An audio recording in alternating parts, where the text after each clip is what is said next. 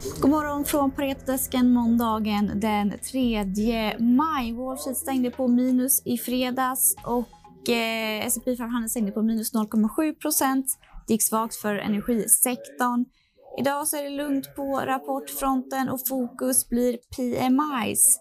På Pareto idag så har vi tagit upp ett nytt bolag för bevakning, Arctic Symes Technologies och det här är ett norskt life science-bolag som utvecklar och kommersialiserar unika enzymer med hög kvalitet till den snabbt växande marknaden för molekylär diagnostik och terapi.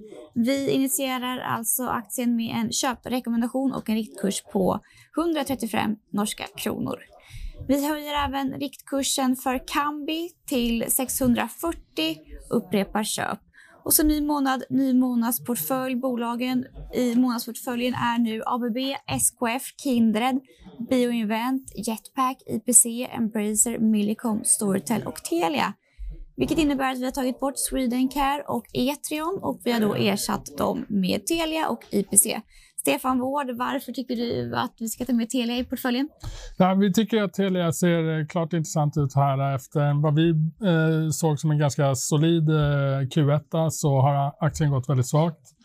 Eh, vi ser en trading range senaste säg 8-10 månaderna som ligger någonstans mellan 34 38 kronor. Den är ner på 35 nu så vi tycker att det ser bra ut rent eh, om man ser ur ett eh, tekniskt setup.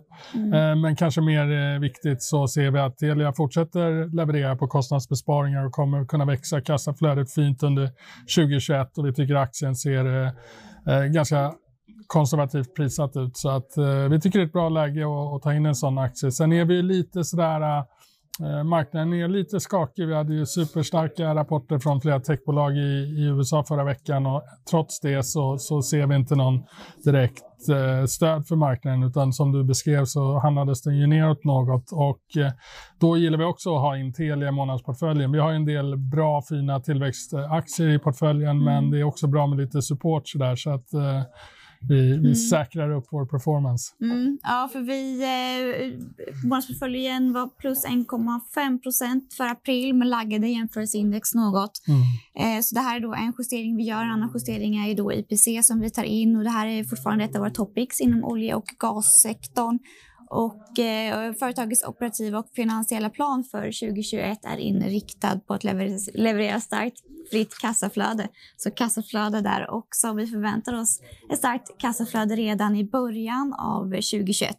Och IPC är ett välskött bolag som följer aktie, eller, och aktien följer oljepriset. Så vi anser att eh, risk-reward här är attraktivt. Så några justeringar i månadsportföljen alltså. Tack så mycket Stefan och tack så mycket. Ha en bra måndag.